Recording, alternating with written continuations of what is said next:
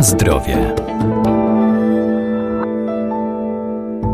Zioła, czyli rośliny zielarskie, mają szerokie zastosowanie w lecznictwie. Chętnie używane są także jako przyprawy do potraw. Dostarczają witamin i soli mineralnych, mają działanie rozkurczowe, odkażające i pomocne przy dolegliwościach z układem trawiennym, tak jak czomber czy czystek.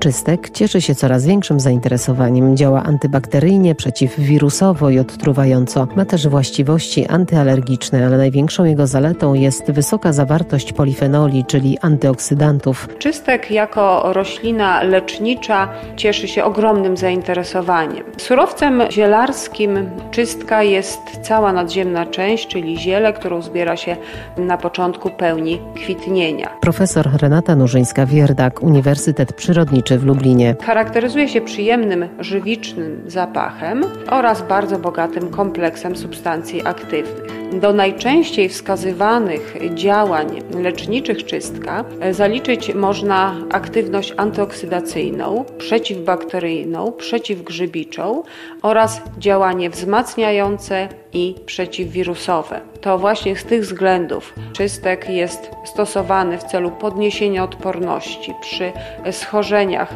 układu oddechowego, przy nawracających przewlekłych stanach zapalnych związanych y, z obecnością drobnoustrojów i tutaj to działanie wszechstronne jest szczególnie cenne. Substancje aktywne, które stwierdzono w zielu czystka to olejek eteryczny, flawonoidy, garbniki, diterpeny. Prawdopodobnie właściwości lecznicze czystka wynikają z obecności wszystkich związków, a więc mamy tutaj do czynienia z synergistycznym działaniem. Dopiero kompleks substancji aktywnych daje pożądane efekty terapeutyczne.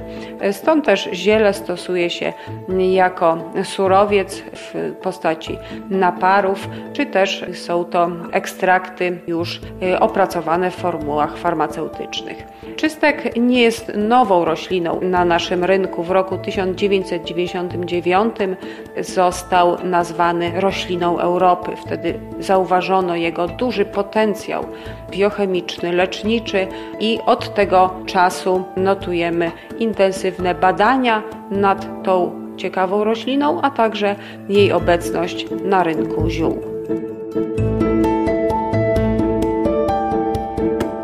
Na zdrowie. Szerokie zastosowanie w medycynie, a także w kuchni ma również czomber. Działa głównie przeciwzapalnie, przeciwgrzybiczo, łagodzi także dolegliwości żołądkowe. Dzięki wysokiej zawartości olejków eterycznych polepsza trawienie, zwłaszcza ciężkostrawnych potraw. Czomber ogrodowy, roślina jednoroczna, może być uprawiana zarówno w pojemnikach, jak i w ogrodach. Jest to roślina o drobnych, owalno-lancetowatych liściach i drobnych, białych, bladoliliowych lub różowych kwiatach. Również bardzo aromatyczna i tutaj zbieramy ziele czombru na początku kwitnienia, gdyż wtedy zawiera najwięcej olejku eterycznego. Możemy użytkować świeże liście czombru, dodając je do twarogu, potraw z warzyw czy sosów, także potraw mięsnych lub po wysuszeniu i wtedy taki surowiec przechowuje się w ciemnym szkle, aby zachować jego walory aromatyczne, walory przyprawowe. Oprócz cząbru ogrodowego, który jest rośliną jednoroczną, pochodzącą z obszaru śródziemnomorskiego, a więc także, tak jak bazylia, o dużych wymaganiach termicznych, i świetlnych. Ciekawym gatunkiem, mniej znanym rośliny przyprawowej jest cząber górski. Jest to roślina wieloletnia, e, krzewinka, która może także pełnić role dekoracyjne, zwłaszcza w ogrodach skalnych, tak popularnych w otoczeniu naszych domów. Jest to krzewinka dorastająca do niewielkich rozmiarów, 30-40 cm wysokości, a więc doskonale nadająca się właśnie do ogrodów skalnych, ale też na obrzeżach kwietników, rabat, ale przede wszystkim jako roślina przyprawowa, użytkowa. Liście i ziele zbiera się i stosuje podobnie jak liście i ziele cząbru ogrodowego.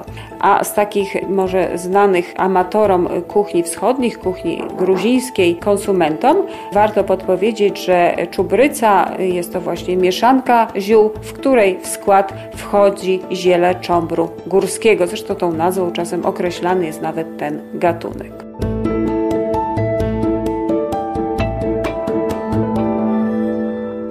Warto więc sięgać po rośliny zielarskie, które wspomagają nasz organizm. Trzeba jednak pamiętać, że zioła należy stosować z umiarem, zwłaszcza jeżeli są używane w celach leczniczych. Najlepiej ich zastosowanie i dawkowanie skonsultować z lekarzem.